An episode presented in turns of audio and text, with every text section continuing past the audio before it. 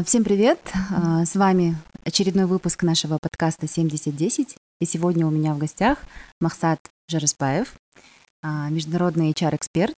Но самое главное, у Махсата очень крутой, шикарный опыт в 12 странах, а это именно страны Северной Африки, Ближнего Востока, Центральной и Восточной Европы. Махсат, добро, добро пожаловать. Спасибо большое. Да.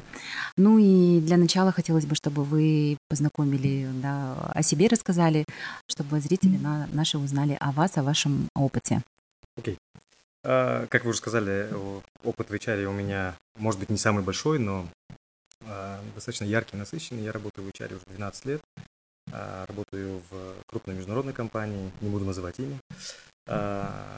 Работаю на данный момент э, 12 странах, как вы сказали, это страны вот Северной Африки, начиная от Алжира, а, Тунис, Ближний Марокко, Восток, а, Ливан. Тунис, Марокко не входят в мою зону ответственности, но у меня есть Алжир, Ливан, да, Катар, Бахрейн, Оман, а, крупнейший рынок э, в этом регионе Саудовская Аравия, Объединенные Арабские Эмираты, э, что еще не назвал, О, Бахрейн, Оман, да, назвал. Угу. Кувейт. Кувейт тоже не моя зона ответственности. А, но в целом плюс-минус это да, да, похожие, да. очень похожие рынки Ближний Восток. А, Прибалтика, Литва, Латвия, Эстония а, и Мальта. Это вот да, больше центральной Европе, э, Западной Европе. Больше. Вот, работаю я в HR уже, как я сказал, 12 лет. До этого я был э, в совершенно другой сфере, абсолютно. Да, как это часто бывает, в жизни подкидывает интересные сюрпризы. В этот раз это очень, очень удачный, я думаю, сюрприз. Я нашел себя на этом месте. Круто. Работаю с людьми, помогаю людям. Ну, Уже около 9 лет, да, если не ошибаюсь? Не, не больше. А, даже больше. Да, я э, в HR пришел с 10 года. А, ну тогда 12 год. Уже да. Уже, да Время быстро бежит, я же до сих пор себя чувствую. Да, да, да. Ну и обязательно, да, хотелось бы вот именно проговорить, то, что вы стояли у истоков, да, основания а, таких крупных а, брендов в Казахстане, как Zara и так далее. Ну да, я был, группы компаний. начинал как раз-таки в полях, да, а в 2010-2009 году, да, мы открыли первую Зару в Казахстане. В Алмате это был вообще просто бум. А, многие, я даже слышал да, в интернете тоже, там, такие слухи уже пошли, что там на самом деле продажи были очень большие. Это было ожидаемо. Мы, я открывал второй магазин э, уже тогда, уже не подозревая, я, наверное, уже делал какие-то функции HR. Будучи директором магазина, первых двух магазинов в Алмате и в Астане, я уже выполнял функции HR, сам того не подозревая. Видимо, это, природно во мне заложено, отбирал и с, да, с тех пор... То больш, есть были большая... полностью вовлечены да, да, в создание... Да, да, причем не только в Zara. В билдинге да, есть, компании. Да, да, компания же большая, помимо Zara там еще очень много брендов разных, Смоду, типа Ламбер, ну, вы можете погуглить, Inditex. А, и я набирал, то есть просто потому, что мне нравились ребята, и те ребята, большинство из них э, построили головокружительную карьеру в компании, кто-то уже ушел и дальше начал расти, чем я персонально очень горжусь. И, видимо, глядя на мои вот эти вот скиллы, задатки, да, компания предложила мне а, роль HR. Я в 2010 году перешел на роль HR, тогда не было никакого HR абсолютно в компании. Был кадровик. Э, Который да. набирал по стандарту персонал. Главное, Даже есть не руки. по стандарту, опять же, это просто вот есть руки, да, ноги. Да, да, да. Выглядишь более-менее нормально, все пойдет продавцом. Да? То есть, да, да. вот, э, не было вообще HR-отдела. Я, э, можно сказать так, при помощи моих коллег мы создавали HR-отдел с нуля. Я был HR-менеджером, затем со временем, когда у меня уже появился э, штат свой, там были и кадровики, и специалист по обучению, специалист по рекрутингу, и HR, которые работают в полях уже, да, то есть, ну, непосредственно со мной тоже, я параллельно тоже работаю в полях. И мы вот вместе создавали этот HR-отдел в Казахстане, где позже я стал HR-директором компании. И вот три года назад, с 2019 года, я уже э, работаю как международный HR вот в тех рынках. И каково это? скажем так, с регионального казахстанского рынка, и тут такой большой Супер полет. крутой опыт, я вам скажу, это был колоссальный стресс, ну, потому что, представляете, да, я вот э, с 2010 года иду и как бы всех знаю абсолютно, практически большинство людей в компании. Рынок приним... небольшой? Да, рынок небольшой, я принимал этих всех людей, а, и когда, э, я вот, у меня есть такая интересная метафора, э, с которой я ассоциирую свою карьеру профессиональную, вот, условно говоря, если это было озеро, где есть моя лодка, да, там стоит домик, э, где есть деревья. Условно говоря, это дерево было молодым, сейчас оно уже выросло, да, там дает уже плоды какие-то. И мне было абсолютно комфортно. Когда я перешел, компания мне предложила такую возможность, перейти на международный рынок, естественно, я двумя руками согласился сразу же, да, потому что это колоссальный опыт. А страха не более, было? Страх всегда бывает. Если страха нет, то наоборот это подозрительно. Что как бы страха нет, как бы. У меня не было такого точно. Это такой челлендж, да, попробовать. Колоссально, да. И я думал, ну все, ты сможешь, Максат, все классно, круто. Я начал с 2019 года, прошел э, шестимесячный тренинг. И сейчас, чтобы вы понимали, э, на тот момент, да, я находился как будто вот на берегу э, бушующего океана, если так вот метафорически выражаться. То есть там и волны, там твоя лодка, которая была комфортабельным Конечно. транспортом да, на озере, вообще абсолютно не годится.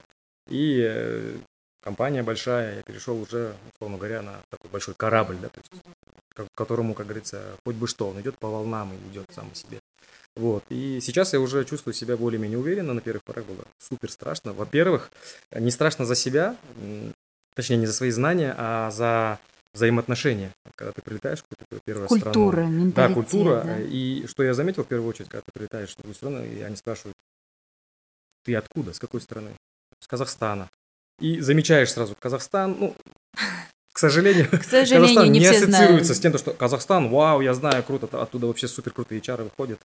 Э, супер, да, то есть нету такого, что, возможно, где-то в каких-то компаниях наши ребята работают, ну, я знаю, что в Booking, в Google, да, там, э, в международных крупных мировых компаниях работают наши специалисты, молодые парни, в основном в IT-программировании, и это очень круто.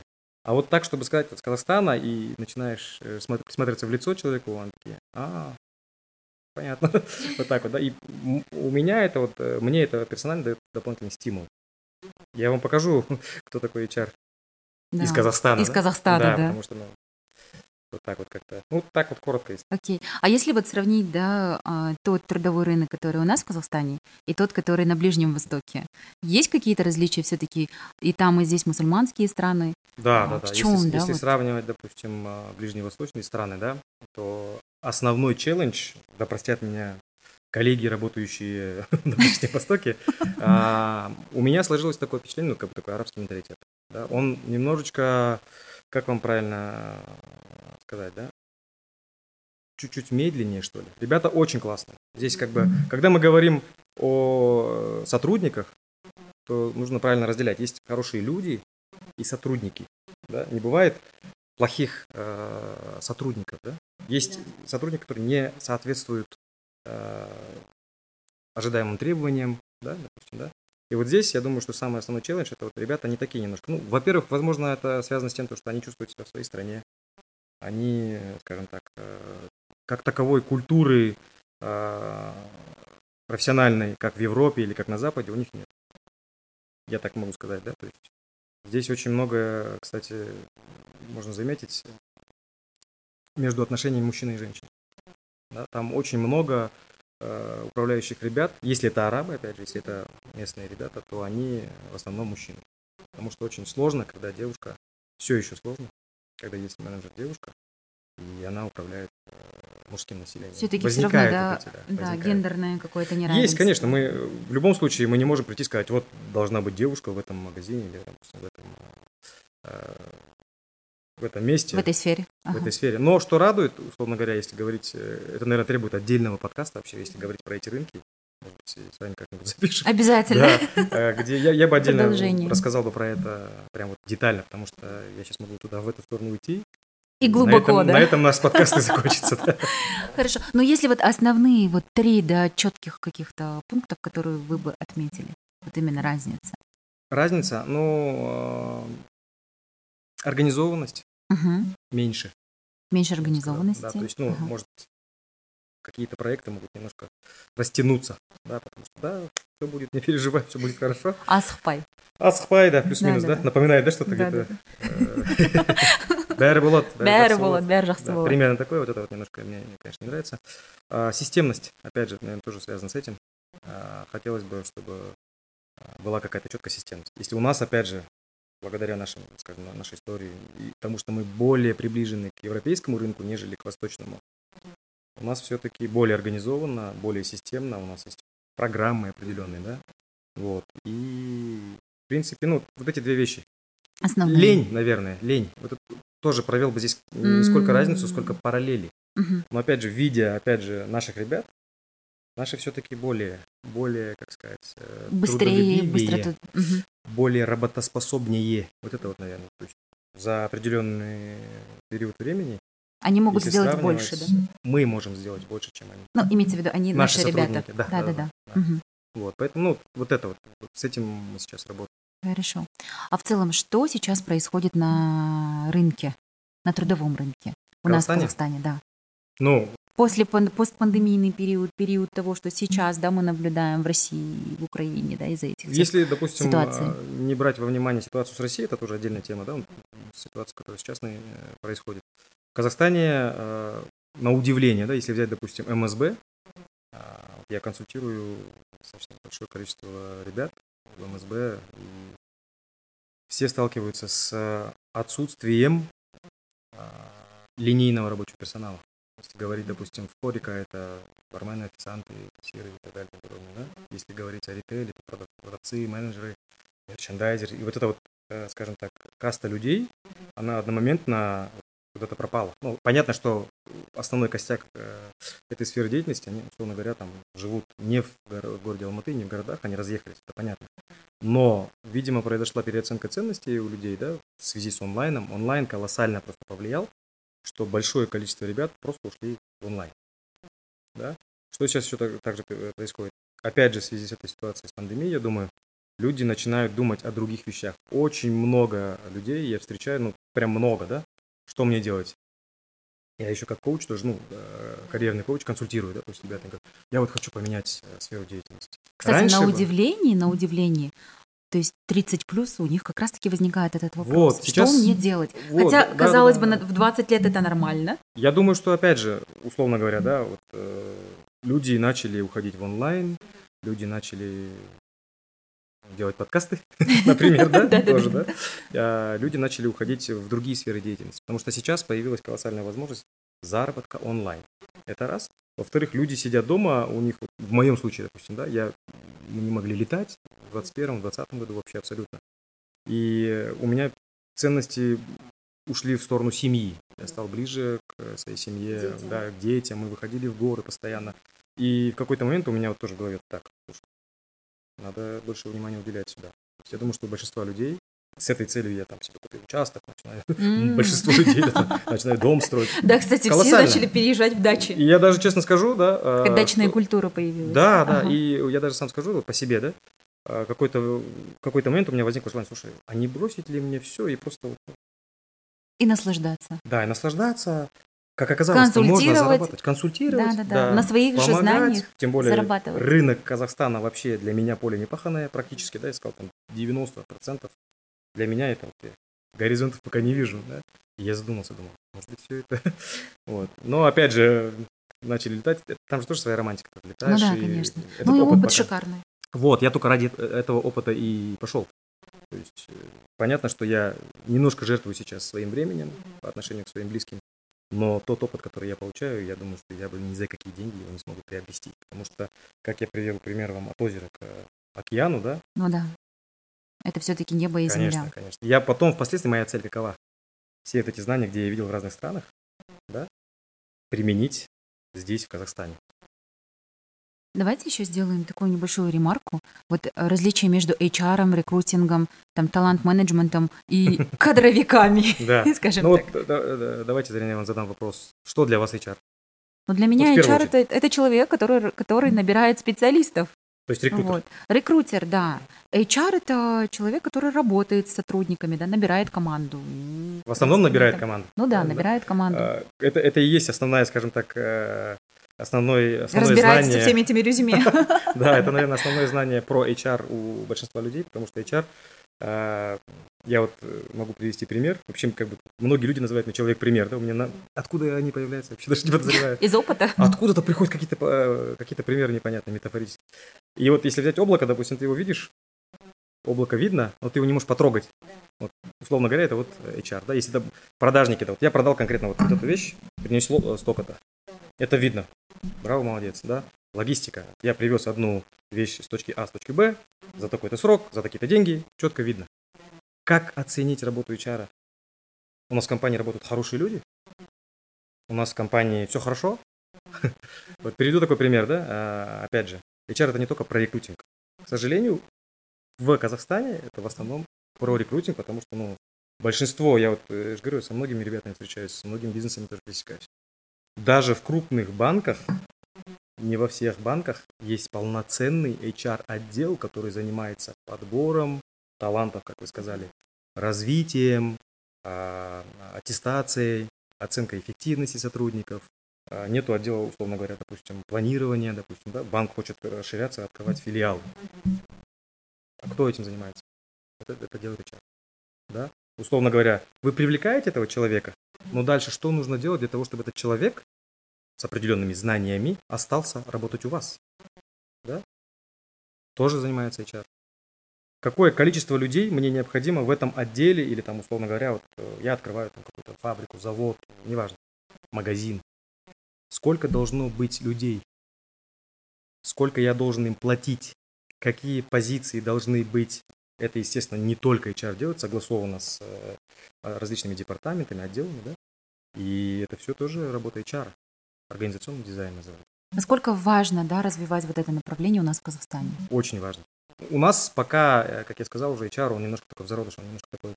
Э, если разобрать слово HR, Human Resources, да, у нас до сих пор в большинстве случаев, я опять же не буду обобщать, в большинстве случаев это human resources. К людям относятся как к ресурсу. Как к инструменту. Да, вот как у меня есть... атрибутики. До сих пор вот меня вот прям передергивает от слова, да, незаменимых нет. Увольняйся, уходи. Да. Опять к сожалению, же, есть такой. То есть, да, почему ты не ценишь э, своих сотрудников? И почему ты не взращиваешь, не вкладываешься в развитие своих А потом все начинают жаловаться. Вот, нету сотрудников у меня. Что мне делать? Нету. Хорошо. Э, приведу один пример, да? А, обсуждали недавно тоже. Нет у меня сотрудника. Да, вот в одном бизнесе. Хорошо, давай поговорим. Что ты... Где предыдущий сотрудник? Предыдущая сотрудница, она а, молодец, она развилась, она ушла на другую должность. Круто, круто же, хорошо. Но я теперь не могу набрать э, замену ее. Найти замену. А я спрашиваю, они, ну, как бы, когда ты продвигал этого человека... Ты готовил, кого-то? Готовил кого-то, да. да. Нет, а зачем? Ну, окей, вот тебе и вопрос ты сейчас на этом э, участке у тебя никого нету. То есть, соответственно, человек, который отвечал за этот участок, у него уже пойдет падает спад. продуктивность, если это продажи да. или, или другая отрасль, другая, другая сфера. В любом случае, кто-то эту работу уже делал раньше. Вот. Сейчас, чтобы найти этого человека, ты потратишь время, ты потратишь деньги. А самое главное, ты потратишь упущенные возможности. Потому что до этого человека, если бы у тебя было бы, была бы программа подготовки кадров, кадрового резерва или там succession planning, куча разных названий, то тогда у тебя в компании уже было бы отлажено. Пожалуйста, Зарина уходит на следующую позицию. За место Зарины у нас уже есть Максат, молодой, талантливый парень. Пожалуйста, вот а все, уже на готове. Все плавно, потому плавно, что Зарина да. меня обучала все это время, а это занимает время. И мы не сталкивались с этой проблемой. А теперь мы идем куда? Есть два вида рынка, да, ну, опять же, для э, компании. Есть внутренние, скажем так, э, не рынка, э, sorry, ресурс. Внутренний ресурс, где у меня есть. Слушай, о, Айдар, пойдем к нам. Потому что я знаю, что Айдар, ему интересна эта сфера деятельности. Все супер. Он поменял, он сделал горизонтальный э, ход и стал на для него это мотивация. И второй вариант, это мы идем куда? На рынок. На рынок труда. А мне нужен, условно говоря, ну давайте назовем его там специалист по логистике. Где я буду его искать? Я обращусь в рекрутинговые компании, я буду использовать свои знания. Самый классный. Хантер. Да, например. Да. Но самый распространенный тоже. не пользуются. Особенно к HR, э, самый распространенный. Слушай, найди меня человек. А там ты пишешь? Да, да, да, да, да. Как я найду, если для этого специально? Я могу тебя найти. Это стоит время. Я вот называю рекрутинг немножко таким, да, э, нисколько неблагодарным, неправильно будет неблагодарное слово, как бы правильно подобрать. Рекрутинг это такое, да, ты затрачиваешь колоссальное количество времени для того, чтобы в твою компанию пришел один человек если все это посчитать, какое количество резюме ты должен, во-первых, ты должен найти это резюме, во-вторых, ты должен обзвонить, а потом прособеседовать. прособеседовать, а ты должен уметь правильно собеседовать, потому что, ну, опять же, это же не просто вопрос-ответ, да? Ты должен понимать, для чего мне нужен человек и обладает ли э, он этими качествами. Должен быть perfect match. Вот у меня работа, сюда входит раз, два, три, четыре, условно говоря, там э, функции, три, функции да? требования. Да, угу. вот человек, условно говоря, он соответствует или нет. Да, соответствует, круто, хорошо. Теперь следующий вопрос. Сколько я готов платить этому человеку?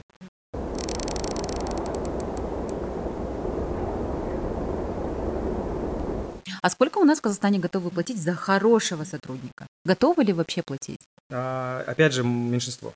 Меньшинство. У меня, опять же, пример ожидается. Вот, а еще один пример. Э, Есть человек, э, который хорошо работал, вроде бы. Я не знаю, как он работал, но потом говорят, слушайте, а вот э, начальник уволил сотрудника. За что? Ну вот, начальнику не понравилось, как а, она работает. Хорошо, окей. Сколько она получала? Ну, назовем там, условно говоря, там 100 тысяч тенге, например, да? Хорошо, за 100 тысяч тенге она сколько отработала? Ну, отработала там 3 месяца всего. Ну, это же вообще абсолютно не срок. Это ни о чем, да? Ни о чем. Три месяца он только адаптировалась, возможно. Это да. же двусторонняя связь. Конечно. Работодатель, опять же, это потому, что работодатель видит э, в сотруднике как ресурс. Ну, то есть пришел, не понравилось, все, ушел, другого возьму. Он же не считает вот эти вот косвенные Времени, потери. Да. И он не считает в деньгах, сколько времени моего, как рекрутера, я затрачу на то, чтобы найти еще одну девочку. Что происходит? Заново ищут сотрудника, а эта девочка, э, этот сотрудник, она, работ... она стоила дешевле, условно говоря, 100 тысяч тенге. Взяли человека, который в три раза дороже. Потому что рынок уже все, рын... рынок тоже нуждается в этой позиции. И это они не могут найти. Это, это когда ты зовешь такси, условно. В период пика оно дорожает. И они не могут найти, они говорят, слушай, нет уже. Зачем попрощались? Стой, может быть, стоило бы немножко дать времени, обучить и дать времени, угу. возможности, и потом сделать из 100 тысяч, дать ей 50 тысяч тенге сверху и 150, она бы уже была более лояльнее, да, нежели ты сейчас идешь на рынок. А что ты находишь на рынке?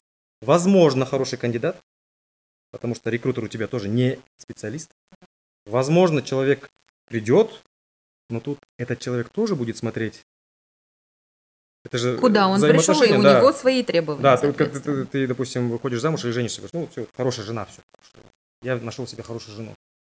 А жена что думает о тебе? Это хороший муж вообще. Да, он, он меня нашел, да. Я, я-то его устраиваю. А он меня устраивает? Он мне условия создает для жизни. Он зарабатывает, он, условно говоря, там беспокоится, переживает, любит меня и так далее и подобное. И тогда не получается союз. Это здесь то же самое. Работа, работодатель и работник. Не получается союз. Вот. Хорошо. А вот смотрите, а, студент заканчивает да, четвертый курс. Куда ему идти? С чего начинать? Ну, давайте начнем с того, что студент, опять же. Я тоже был студентом. Потому да? что у нас в Казахстане к студентам такое, ну, вы сами знаете, какое отношение. К сожалению, к сожалению, у нас это не развито сильно. А у нас э, не особо, опять же, не буду обещать. Я не, не проводил детальный анализ. А у нас э, студенты, да, это определенная каста, как будто бы, знаете, у меня такое впечатление, э, вот они выпустились и все, что делать с этой массой людей? Вот, вот, вот, вот. Что делать? Зачем мы их выпустили? Я просто проресерчила, посмотрела, в 2021 году у нас 54 тысячи студентов было выпускников. Да. С, ну, статистика так говорит, гласит. Я такая думаю, так, они все ли нормально трудоустроились? У нас нету, э, вот я же говорю, опять же, раньше была какая-то система, сейчас эту систему где-то потеряли в погоне за деньгами, за прибылью. Э, нету программы стажерства, internship, да? У многих компаний есть, опять же, я не утверждаю, у многих компаний она ну, есть. Ну, скажем так, окей, закончили КИМЭП там какие-то, да, передовые, как будто опять же, ну, и они знают, что есть конечно, Big и в Big можно постажироваться. Я да, думаю, что Big собрать... вообще сделал колоссальную штуку, молодцы вообще, да, да. то есть Big это вот, э, как, КИМЭП как будто бы готовит только для Big Вот. Как будто это такой дочерний университет, университет который выпускает да, и все. Мы, который мы именно для, под них готовит, да, под да, их да, да. А это требования. Это, условно говоря, у нас есть КазГАСА, или как называется сейчас, архитектурная академия. Там какие-то специальности вообще упразднили. А потом мы жалуемся, что у нас нет нормальных дизайнеров, строителей и так далее и тому подобное. У нас нету, ну, есть профильные, условно говоря, медицинские, да, ну, понятное дело, там, медицинские, но большинство из них там идут практику, там они тысячу лет учатся, а потом как бы становятся докторами. За это я как бы вообще не, никаких претензий. Но другие, мне, ко мне как к HR, да, я не буду про, э, про всех э, обобщать, но вот ко мне как HR говорит, Максат, а где выпуститься на HR? Я задумался, я говорю, я сам не получал образование HR, когда я стал HR. Я получил его после. В семнадцатом году я сделал международную сертификацию CIPD, да.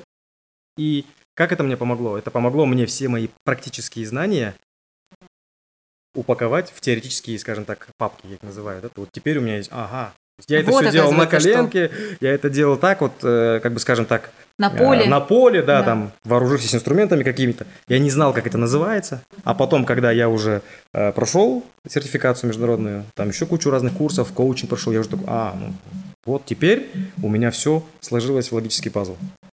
Вот. А так что вот, делать а с этой массой? Да. Студенту что делать? Я бы, ну, рекомендовал бы, во-первых, э, это такой, да, немножко, скажем так, утопический, может быть, да, что каждый студент, я вот мечтаю быть художником, я иду туда-то.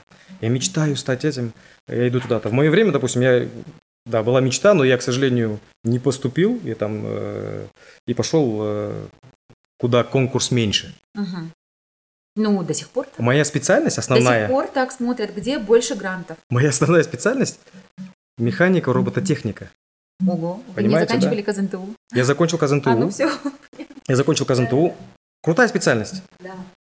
Я честно не понимаю, зачем она нам нужна сейчас в нынешних реалиях. Угу. Если бы там все выпускники, которые обучались этой замечательной специальности, начали, изготавливали, начали бы работать, условно говоря, там были программы, там были программы, э, э, отправляли студентов в Финляндию, да, вот на, на заводы Nokia, на, отправляли в Японию, то есть что, что где, ну, где развито. У да, нас не развито. Нужно ли, я честно не знаю, как бы нужна ли эта специальность, просто для того, чтобы поддержать. Ну, как бы был маленький конкурс, я туда поступил.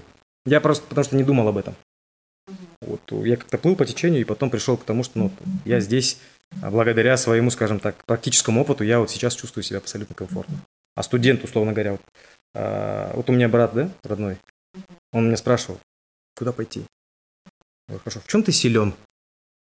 Он постоянно выиграл какие-то олимпиады по математике. То есть у него математический склад ума, он очень хороший аналитик. Что тебе интересно? Вот я ему примерно дал пример, говорю, вот смотри, вот есть так-то, так-то, так Он выбрал финансы, поступил в Казгу, с отличием закончил, замечательно, все. И приходит ко мне, говорит, слушай, ну я закончил, что делать? Я хочу а летать. Куда идти дальше? Я хочу летать. Я говорю, ну, летать, э, в смысле, пилотом хочешь? Ну, классно, попробуй, почему бы и нет. А, ну, вот с твоими знаниями, с твоими навыками, ты же все-таки отучился. А, банк, ну, банк никто не предлагает. Понятная проблема, опять же, здесь находится, что нету готовых. То вот вы выпускаетесь, и все, мы вас к себе берем. Он пошел стажером на 15 тысяч тенге в месяц, ну, э, консультируется со мной, советуется, куда пойти. Ну, сколько предлагают? 15 тысяч тенге стажером. У него было, по-моему, такое, ой, блин, 15 тысяч тенге, ты что? Я говорю, а что ты хочешь? Ты вообще ноль, ничего не знаешь ты. Тебе практически просто поработай хотя бы в коллективе. Это очень важно. Не важно, какой ты специалист. Просто попробуй, пощупай людей, как с кем взаим... Потому что есть в HR одно направление, а у нас в Казахстане не развито, employee relationships. Да, взаимоотношения с этим. Сейчас оно такое популярно С коллегами. С коллегами, да, employee well-being появляются отделы. То есть благосостояние сотрудника, как он себя чувствует. Такие отделы даже есть. Не то, что, да, там. И попробуй. Он попробовал потихонечку, скажем так, засунул туда голову, посмотрел. О, интересно. Нравится, ну все. Что ты теряешь? Ну, максимум уйдешь в другую сферу, посмотришь там, там попробуешь. Ты же молодой. Буквально выпустился 19 лет или сколько там. 20 лет. Вот. И сейчас он уже работает.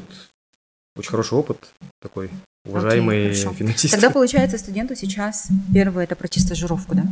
Я рекомендую пробовать. Опять же, если ты просто учишься для того, чтобы... Потому что тебе родители там, а, скажем так... Социум требует. Социум требует, да. Ну или, условно говоря, там на это ты можешь прокормить семью. Да, конечно. Есть, раз уж ты взялся за это обучение, пытайся идти туда. Если ты видишь, что ну, ну нету, нету, не нужны, условно говоря, там, я не знаю, гидрогеологи. Наверное, не нужны, я не знаю. Попробуй сперва туда, поработай там, поймешь. Ничего страшного в том, что ты там э, годик, два, три после университета потеряешь. Ты потеряешь только, э, скажем так, время э, на то, что ты поймешь, что это не твое. Но зато ты поймешь, как работать с людьми, как устроен вообще рабочий мир, вообще в целом. Я бы рекомендовал бы им давить на, э, на, на их сильные качества. В чем они сильны. Определять. Да. А да. вот Надо пробовать. Просто, допустим, когда мы заканчивали, у нас не было, не было, да, вот этих вот модных тенденций, как там профориентация с коучами, да, поработать и понять, найти быстрее, да, то есть как-то сэкономить свое время и быстрее найти свое что-то, да, свою дорогу. Вот. Насколько, допустим, сейчас студентам э, открыты все эти возможности? Я думаю, что по сравнению с э, нашим временем, когда мы с вами учились, да, сейчас возможностей намного больше, и они практически не ограничены, потому что есть всемирная сеть, можно работать онлайн, да, и а, Опять же, есть в этом немножко такой побочный эффект, потому что вот эти все э, SM, э, не SMM, социальные сети, YouTube и так далее и тому подобное, да, полностью, они тоже оказывают влияние на молодежь. Они видят, что ну, появляются блогеры, появляются вайнеры, появляются э, SMM-специалисты, продюсеры, курсы и так далее и тому подобное. С одной стороны, они тоже влияют, типа, ну, попробуй, попробуй, ты тоже сможешь, да? Я думаю, что если человек будет заниматься именно тем, что ему нравится, и это востребовано на рынке, все, на это нужно давить. Не надо заморачиваться, бегать туда, пытаться туда. Вот у нас же, да, я не знаю сейчас, насколько ситуация сильно изменилась, но мне кажется, приходят, например, в сферу хорика или в сферу э, магазинов, потому что Ритейл. я, да, ритейла, просто временно поработать. Нет таких организаций, э, учебных заведений, которые специально готовят из тебя хорошего специалиста. Ну, в Европе, допустим, ритейл, в Европе, это, да, конечно. ну, это круто. Да, да, да. То есть, ну, ты получаешь определенные знания, навыки по бизнесу и так далее и тому подобное. У нас эти э, сферы э, хорика и ритейл – это такое временное явление. Временное явление. Да, поработаю, пока я студент, или там хотя бы какие-то карманные расходы. Барменом поработаю. Барменом поработаю, потому что, да, это такой low-skilled э, позиции, да. Но в целом, если бы они... Почему бы и нет? У нас колоссальное количество людей. Я сам выходец из ресторана. 7 лет проработал, да, когда я был студентом тоже. Я это знаю персонально. Но я дошел до менеджера, до управляющего рестораном. И мне эта тема нравилась. Да, то есть, условно говоря, я пришел временно, я понял кухню, ого, это мне нравится. Те, кому это не понравилось, они просто ушли и все, продолжили в другой э, сфере и так далее. То же самое э, в ритейле, да, мне понравилось, я целенаправленно пришел сюда. А вот если говорить о профессиях будущего, Окей, на первом месте IT. А что еще казахстанским, казахстанской молодежи изучать? Куда идти? Ну, э, одно из таких... Где есть потенциал? Э, я тоже, да, у меня есть дети, я тоже задумываюсь, блин, куда их отдать. Раньше вот такое было, да, поголовно все хотят там, юристами, экономистами, да. финансистами. Если туда, неважно, у нас эта отрасль развита, нет. Была такая итоге, мода. Была такая мода, но, э, с одной стороны, банковский сектор, я думаю, что, в принципе, неплохо развит у нас в Казахстане. А другое дело, юристы, да, их очень много. Вот, э, я думаю, что обязательно связанное с IT, э, потому что IT это не только же программист или что делать какой-то э, исходный, скажем, финальный продукт. IT может быть и в HR, сейчас все цифровизуется полностью, да? В образовании, IT Финансы. может быть в медицине, а, не, не может быть, а уже есть в финансах, IT абсолютно везде, нас все полностью окружает IT. То есть никуда же не исчезнут эти позиции. Врачи никуда не исчезнут. IT, наоборот, будут востребованы. Наоборот, будут востребованы. И если параллельно с той специальностью, о которой вы мечтаете, которая вам нравится, которая вас драйвит, вы еще параллельно получите знания по IT, по искусственному, по искусственному интеллекту, по big data, да, условно говоря, там, по, про все, что касается цифровых технологий, потому что все, без этого мы не можем, мы не сможем жить. Если взять пример, допустим, HR, да, вот HR, например, это кадровики, которые занимаются документооборотом, приемы, приказы, заявления и так далее. Они зависят от кого? Тоже от продукта, который создан айтишниками. Да? И если что-то произойдет, они как бы, ну, они останутся, как бы, скажем, полностью зависимы от этого продукта или от айтишников. Поэтому я всегда рекомендую, сами тоже изучайте что-то. Сами тоже пробуйте, пытайтесь, как, допустим, электронный документооборот. Технически попробуйте залезть туда, хотя бы понюхайте, чем это пахнет, потому что целиком полностью зависит от IT, это очень большая угроза. Завтра айтишники цены поднимут или исчезнут, или как бы, да, уйдут. Что ты будешь делать? Ты не сможешь работать уже. А вот как, допустим, ну уже, скажем, не студенту, а, скажем так, начинающему да, сотруднику, эксперту выделиться да, в компании, выделиться перед работодателем, какими качествами он должен обладать, условно, да, там 22-27-летний сотрудник? Потому что вот а. этот вот 20-30 это именно тот период, когда ты строишь, да, какое-то начало, да, базу своей карьеры. Да. Ну, давайте далеко не будем ходить. Допустим, я э, часто анализирую свою карьеру, свою профессиональную карьеру. Почему я, каким образом я здесь нахожусь, почему я, условно говоря, почему меня выбрали HR? Я же был директором магазина. Почему меня выбрали HR? Опять же, HR. Или, условно говоря, там, почему человека выбирают на эту позицию. Я анализировал про себя, про людей, которые э, росли. В моем случае это вот ребята, которые приходили продавцами и уходили региональными директорами. Почему? На что обращать внимание? В первую очередь это на его желание. То есть, есть, э, условно говоря, любой работодатель смотрит на работников, ну, как э, отдельный э, ресурс, как я сказал уже, да? да? Мало кто смотрит это как на капитал, на инвестиции. Ох ты, слушай, Зарина классно, она выделяется. Каким образом она выделяется? Она делает немножечко больше, Инициативнее. Чем, чем ее... Инициатива – это одно из самых главных, да? У нее очень хорошие коммуникативные навыки, она умеет общаться с людьми, что немаловажно, согласитесь, да? То есть нам нужен человек, который дальше будет... Чем выше позиция, тем важнее, э, важнее чтобы, он, чтобы он умел коммуницировать. Да. да, мы видим, что э, Зарина, в отличие от ее же коллег, она делает так, Э, условно говоря, думает о том, чтобы компании было выгоднее, полезнее, удобнее было для работников. И я обязательно ее замечу, потому что, вау. Вот э, по примеру, да, у нас э, в Иордании в прошлом году был, приведу пример. Девочка работала обычно продавцом-консультантом. Мы зашли, скажем так, в стаф-рум, где отдельно отдыхают сотрудники магазина. и сделал шикарный просто календарь дней рождений полностью. Супер, все классно. И прям так все это организовано, сделано как-то вот с любовью, визуально что ли, да, еще. визуально. И ты думаешь, я такой, вау. И менеджер говорит, «Э, Максат, это вот девочка, ее зовут, по-моему, Рима. Он говорит, это вот она сделала. И я сразу же заметил, слушай, а зачем это надо ей? Она же просто продавец. Да, при- причем, по-моему, парт-таймер, да, то есть она частично занята там, студенткой. И параллельно. Я говорю, слушай, Рима, а зачем тебе это надо? Зачем? Ну, мне как подумала, что было бы классно, что вот а, сотрудники знали день рождения, мы друг друга поздравляли. Классно, да? То есть это такой вот э, э, нематериальная мотивация называют, да, там. Вау, круто. А зачем ты это сделал? Ты столько времени потратил, там такая доска была, я жалко, не сфотографировал. Хорошо, и менеджеру мы говорим, присмотрите, он говорит, а я знаю, она уже такая, ей всегда больше всех надо. Я говорю, ну, есть люди, которые умеют себя продавать, есть люди, которые умеют себя, э, скажем так, да, красиво упаковывать, но внутри нет хорошей начинки.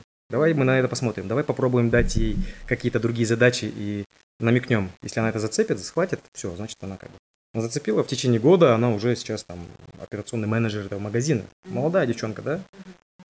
Вот у меня такое сложилось впечатление, что бы ты ей не даешь, она голодная на знания. Она голодная на свершение. Такая, давайте еще, я смогу, я смогу, я смогу. Понятно, что мы это дозированно все давали. И потом мы потихонечку ей давали тяжелее. Опять же, без поддержки, естественно, никто ничего не добьется. Должен быть ментор, должен быть обязательно человек, который помогает. Но я думаю, что самое основное – это э, инициативность, а, креативность да, у людей. Вот это вот позволит. Не просто так, не просто так. Я здесь. Вот, знаете, есть такая категория сотрудников, Да, да, которые да, говорят, там, которые просто хотят показаться, а не быть. Куча таких. Ну, их, их же очень легко выявить. Их же легко очень выявить. Можно проводить опросы, можно проводить со стороны 360 и так далее и тому подобное. То есть э, там инструментов на самом деле очень много. Чтобы они показывали себя не так, чтобы просто показывать себя. Там вот я, а вот я сделал, вот есть такие немножко, да, подхалимы где-то так. Они вот пытаются показать, пытаются быть рядом с людьми, которые принимают решения, да, вот. И они сразу определяются. То есть, когда ты им уже серьезные э, задачи или А вот я хотела про локус спросить, да, вот внутренний, внешний. Вот, расскажите про это, насколько это важно в HR. вы имеете в виду э, Локус сотрудника, да, когда у него, я не знаю, вот внешняя и внутренняя мотивация. Ну, э, внешняя и внутренняя мотивация какая может быть? Опять же, э, Ну, давайте... то есть, исходя вот из э, опыта этой девочки. Да, давайте разберем, допустим, Ага. у этой девочки или у у кого-либо другого, да? Что ею движет? Что вообще мотивирует сотрудника? Э, Давайте сперва обратимся к материальной э, части, да, то есть зарплата. Хорошая зарплата. У нее Мгм. хорошая зарплата, опять же, да? Мы Соцпакет. сейчас, если мы возьмем Мгм. э, entry level, да, то есть давайте начнем тогда еще вернемся, Входной да, входной, да? входную, да, э, часть разберем. Человек для э, почему придет в компанию к вам? Потому ну, что я вы, смотрю на культуру. это вы сейчас. смотрите на культуру, да. А, допустим, если я выбираю работодателя, я смотрю, думаю, хорошо, вот есть у меня, я хочу стать продавцом-консультантом. Я куда иду? Раз, два, три, четыре компании есть. Крупных. Мгм. Крупных или не крупных, да? Я иду в Inditex, потому что я знаю, потому что бренд работодателя у Inditex намного выше, чем у Других. у других, да. Э, Я думаю, окей, хорошо, я прошел по собеседованию там. Возможно, в Inditex мне что-то не понравится. Слишком большая компания, может быть. Слишком, я не знаю, там, ну, я не привык. Я, я хочу пойти начать где-нибудь поскромнее. Ну, почему бы нет? У меня опыта нет, я пойду, условно говоря, там, ну, вот в MSQ, например, да, то есть компания очень хорошая. Я пойду в MSQ, потому что это казахстанская компания, это меня тоже мотивирует. Я патриот своей страны, да, я вижу. Вот, и это меня мотивирует. Дальше я иду, значит, скажем так, узнаю, сколько мне платят. И тут вопрос такой, потому что зарплата, она работает на привлечение очень хорошо. То есть я вот тебе помашу бумажкой, там, Максат, пойдем ко мне, у меня вот столько-то. MSQ платит столько же, сколько платит Зара. Интересно. Что предложит Зара мне больше? Возможно, карьерный рост, потому что возможностей куча, компания побольше. Но, может быть, MSQ в этом случае... а, можно говорить бренды, да, вообще, да? Да, конечно. Это же, да, никаких там надеюсь, придут. контрактных обязательств нет. но, ну, Нету никаких. Я могу познакомить вас с Миржаном тоже, э, Ну, владелец. Вот, а, то есть они, условно говоря, а, придут на что? Я бы пришел, например, да, на MSQ класс, потому что он казахстанский бренд. Я Вот, я туда. всегда тоже за наших. Да, даже если они мне предложат чуть-чуть меньше, возможно, вот это меня мотивирует. Да. Условно говоря, это очень большой триггер, очень большой фактор привлечения. Я зашел в эту компанию, и дальше мы смотрим уже а, на, как HR, мы смотрим, как теперь этого сотрудника удержать. Как мы его можем удержать? Он пришел на эту зарплату, да, но тогда я ему должен давать что-то еще. И вот здесь этим что-то еще может пос- послужить мотивация какая? Возможность карьерного роста.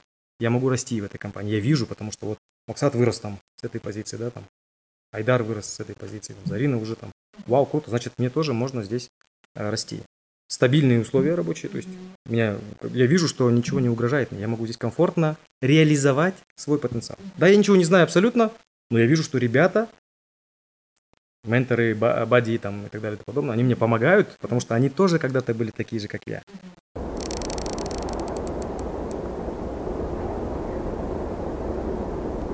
И это уже больше про удержание, да, допустим, он уже он вовлекается. Но это уже внешние все-таки, да?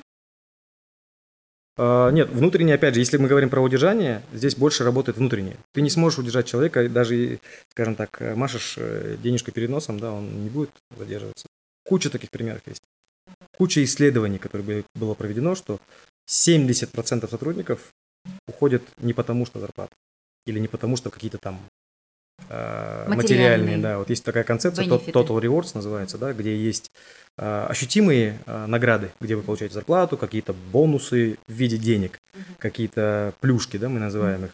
Э, оплачивается транспорт или оплачивается, я не знаю, сотовая связь сотовая элементарно. связь, там, условно говоря, там, возможно, кому-то там еще что-то ну, у нас в компании да. сотовая связь, VPN, а, соцпакет, да, страхование, Да, да, медстрахование, да, фитнес. Да, и плюс языки. Например, да, изучение языков, да, да, да допустим, да. бесплатно. Вот это вот все, скажем так, материальные. А нематериальные, туда, вот сколько бы мы ни проводили разных э, исследований удовлетворенного сотрудника, зарплата никогда не была первой. Да. Никогда. Это вот на первый э, э, на вершине всегда находилось взаимоотношение между сотрудниками. Ну, мы же люди в итоге, мы же не роботы. Да. Мы люди. Мне важно, например, мне персонально важно, как э, я... Э, какая вообще Какая аура, какая атмосфера, аура, да, да, это вот, да. Компания. Потом отношение моего начальника очень большую роль играет. Потому что многие... Персональный да.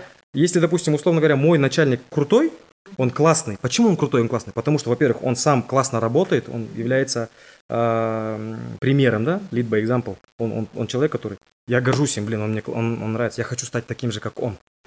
И ничего страшного, что я получаю меньше, чем там в, другом, в другой компании предлагают. Я тоже хочу.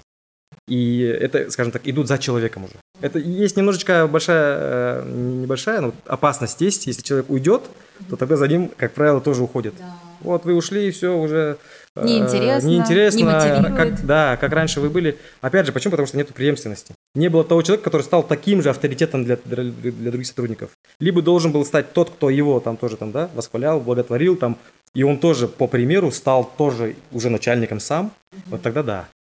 А как правило, у нас, ну, часто, к сожалению, такое происходит. Начальники, все, я начальник. Я начальник, потому что у меня есть погоны. Я не начальник, потому что у меня действительно, я не, вот есть же популярные мемы разные, босс и лидер, да, кто такой босс, кто такой лидер. Вот лидеров, на лидеров идут. Еще что может их э, мотивировать? Их может э, мотивировать, как Надо сказал уже, есть категория людей, которых мотивируют сложности. Они прям хотят, говорят, вау, круто, я добьюсь этого. То есть это не такие э, комфортные условия. Есть такие люди, вот категория таких людей, да? И мы тоже наблюдаем, слушай, вот есть, допустим, вот Зарина, да, она прям, она вот, ну, боец. Ей не нравится, вот, когда все налажено, отлажено, да, да. Она не, не это, да, и она вот прям вот, мы знаем, что Зарине можно это. На нее закидывать, закидывать до предела, да, она все равно это вынесет, потому что ее саму это, саму это мотивирует. Она любит разгребать, она любит, и, скажем так, делать конфетку, да, из, из, из чего-либо. Но получается, в HR-отделе люди за этим всем наблюдают. Обязательно, верно? обязательно. Ну, должны, опять же говорю, обязательно, потому что должны. Если я, допустим, HR, вот я же могу привести пример. Мы идем с другом, э, я спрашиваю, он, он, он спрашивает, говорит, слушай, чем ты занимаешься вообще? HR, да? Я говорю, он работает, кстати, в международной компании. И он говорит, чем ты занимаешься? Я говорю, HR. Ну, что такое HR? Кадровик? Обычно же эти... Набор персонала. Да, первый выбор кадровик. Он мне еще такой, ты кадровичка? Я говорю, слушай, не кадровичка, кадровик, да? То есть, или специалист по кадровому администрированию. Говорит, ну ладно, обычно же это, этим женщины занимаются, ну, везде, ну, где да, я работала. кстати, у нас есть такой Я говорю, хорошо, да, это стереотип, опять же, э, и он оправдан, потому что на самом деле в кадровом делопроизводстве это одно из направлений HR. Да, это я, я называю его тыл. Почему? Потому что все, что мы делаем в полях, работаем, встречаемся, набираем, мотивируем, проводим какие-то тренинги, решаем, кто куда должен пойти, кому уже расти и какие ему навыки еще нужно подтянуть. А вот кадровый отдел – это чисто тыл. Да, ты вот какие-то передвижение сотрудников делаешь, они это все фиксируют на бумаге, и это закон. Опять же, да, это тоже один из э, тех вещей, которые сотрудники сейчас тоже ценят. Компания законная. Помните, да, вот 90-е, 2000-е годы вообще незаконно. И до сих пор есть такие люди, которые принимают людей вообще незаконно, Ну как можно работать в такой компании? Как можно доверять такой компании, если они тебя даже условно там законодательно не подтверждают, потому что хотят тебя попробовать. Если не понравится, то до свидания. И вот такой подход, дикий подход, абсолютно, я не знаю там. А что сейчас конкретно ценится да, в сотрудниках, в экспертах? В экспертах, ну, опять же, помимо знаний их, э, я думаю, что ценятся их определенные качества. Вот для вас, допустим, что важно? Для меня важно, чтобы он, сотрудник, который работает в компании, он глядел в том же направлении, что и компания. И иногда, э, вот особенно в это время, вот, как все называют популярной фразой, стала эра, момент турбулентности, эра турбулентности, чтобы он тоже мог видеть со стороны и думать, ага, а давайте попробуем вот так. Вот мне честно нравится, потому что, может быть, я такой человек, который э, хочет идти какими-то нестандартными, нестандартными путями. А где так написано, что мы не можем так делать? Потому что основная цель какая? Основная цель сделать, условно говоря, компанию успешной, привлекательной, стабильной, там, масштабируются там многие, да, там, э, стабильной на рынке и так далее и тому подобное. Вот мне вот это вот важно, чтобы человек, мы с ним в одном направлении э, мысли. Что такое За HR? какой период вы можете это прочувствовать? Допустим, если вы взяли этого человека, возможно, бывает ли такое, что, допустим, вы взяли, думая, да, что этот человек будет смотреть в одном направлении, но потом по итогу там двух-трех месяцев выясняется, что оно таки, таковым не является. Опять же, я хочу напомнить, что э, работодатель и работник это, это, если взять танец танго, это танго. Вы пробовали танцевать танго когда-нибудь? Да, да. Вот от чего, допустим, да, если вы, скажем так, э, не умеете танцевать, а я умею танцевать, получится у нас танец? Нет, это нужно чувствовать партнера. Потому что партнер должен тянуть за собой, но опять же, если второй партнер не будет, э, скажем так, тянуться и делать, э, да, следовать его шагам, ничего не получится. Вот здесь то же самое. Очень важно, чтобы сотрудники, опять же, мыслили. HR это что в итоге? Это не просто отдел, который регистрирует сотрудников а, в современном мире, в западном мире, опять же, ну, мы всегда же ссылаемся на западный мир, на западные книжки, западное образование да. и далее подобное. Ну, а- Для нас это лучший поэтому- бенчмарк. ну, потому что по- они успешны. Мы видим же это, мы же ощущаем это. Да, все западные компании, все успешны. Почему? Потому что там работают люди, не роботы. Там работают люди, которые делают эту компанию крутой и успешной. Все, нужно это запомнить. Люди – это основной капитал любой организации. Крупный, средний, малый, потому что нету пока что искусственного интеллекта, который все абсолютно делает за вас. Нету, потому что пока еще не придумали. Может быть, в будущем, да, мы будем просто существами, да, как, как Да. животные, просто хотя нами будет управлять э, искусственный интеллект. Но сейчас Но пока... здесь такого не будет. На- не, м, мы, все, мы же тоже не стоим на месте, мы же тоже Да, э, да, да. да, развиваемся. Основное – это вот должны ценить людей в компании. HR все-таки должен быть всегда идти с направлением бизнеса. У нас пока э, HR Они просто HR. разнятся. Да. Разнятся. Ага. HR в большинстве компаний не приглашают даже на какие-то стратегические митинги, а собрания. Почему? Почему?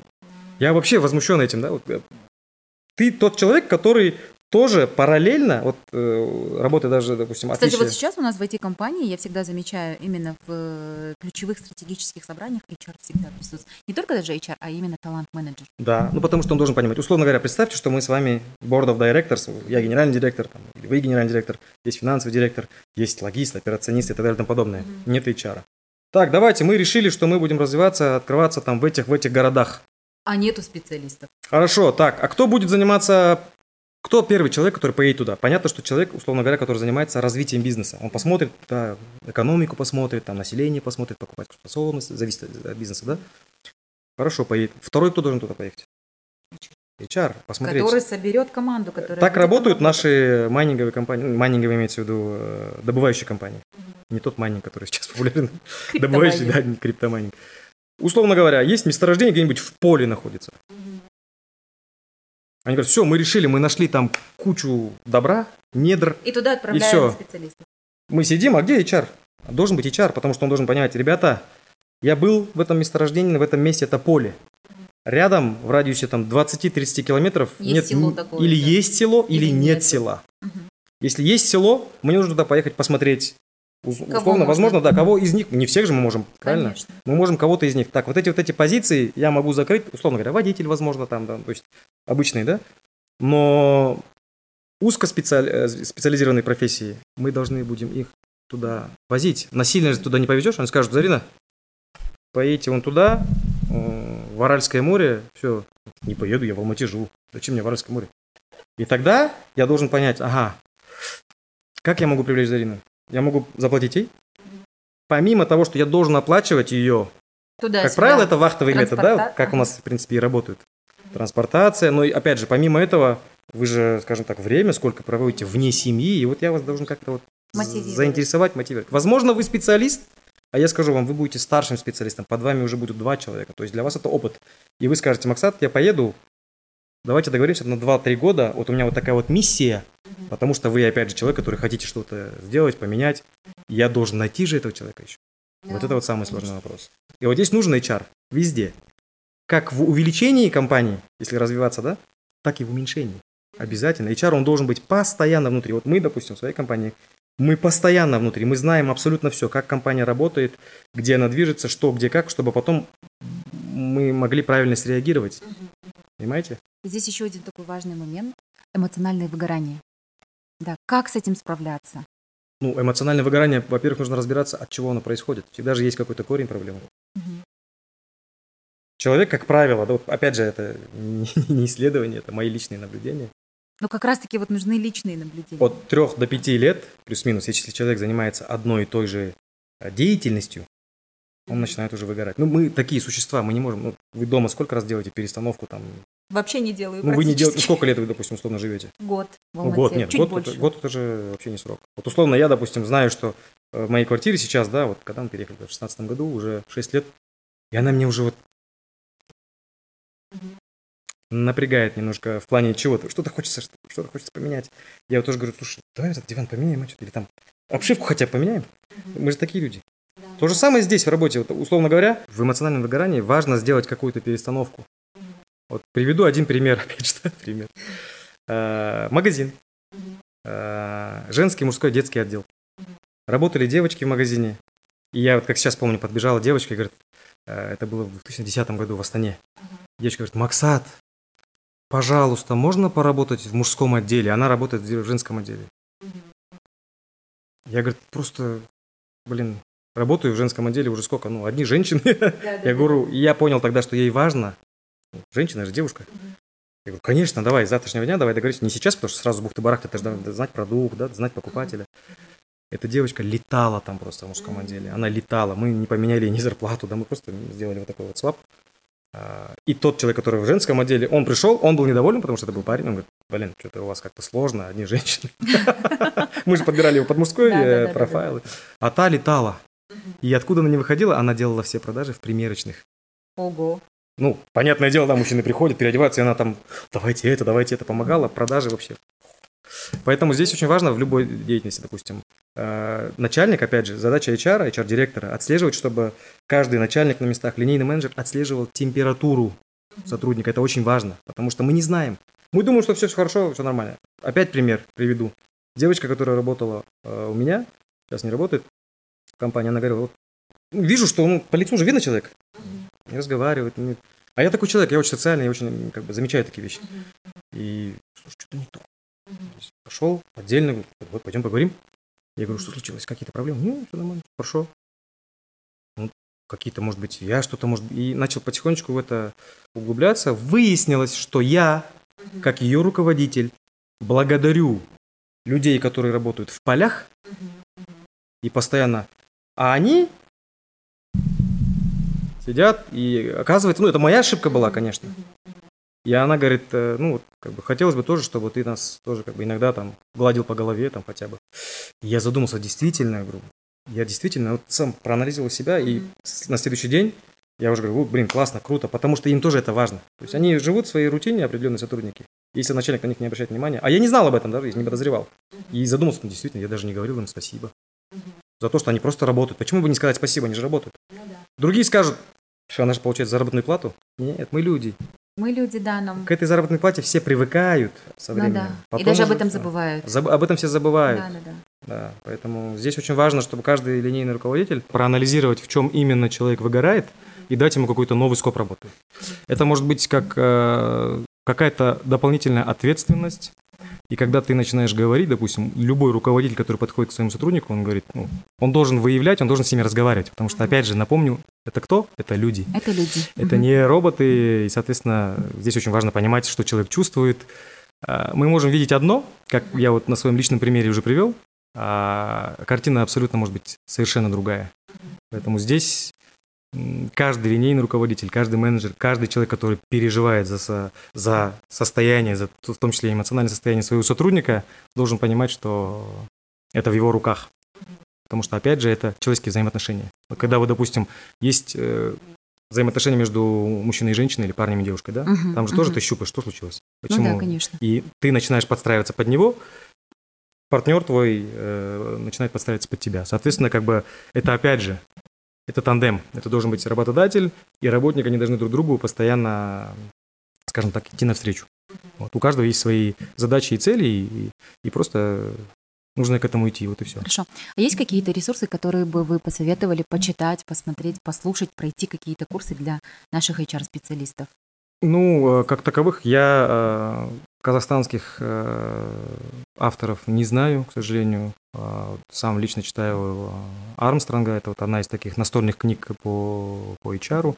Рекомендую почитать просто ради того, чтобы понимать, какая рабочая культура в крупных успешных компаниях, таких как Google, Amazon, или есть очень классная книга, вот она мне персонально нравится. Это Пэтти Маккорд, она бывший HR-директор Netflix. Кстати, вот я она написала... То ли в прошлом году, то ли позапрошлом смотрела, видела в открытом доступе презентацию Netflix да, корпоративной да, культуры. Да, да. Вот это вот э, книга, которая, где она тоже непосредственно э, принимала участие. Я забыл автора, Аян Рид, могу подать. И эта книга как раз-таки рассказывает про то, как многие наши крупные казахстанские компании могли бы сделать так, чтобы человек, который пришел в итоге к тебе, не потому что ты ему платишь заработную плату, а человек пришел к тебе, чтобы оказать помощь, оказать услугу и применить свои навыки и знания для того, чтобы твоя организация, твоя компания была успешной. Понимаете?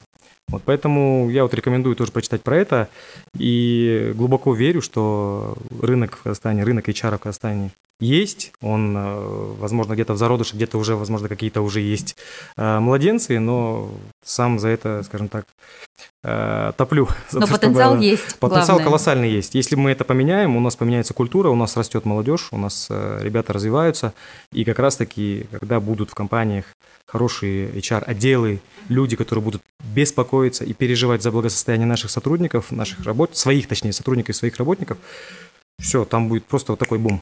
Сразу же, просто потому что нужно помнить, что с каждым разом а, людей найти, хороших людей найти, воспитать, а еще и удержать становится сложнее. Потому что никто не отменял такое понятие, как хантинг. Я просто могу ну прийти и схантить. Да, и схантить.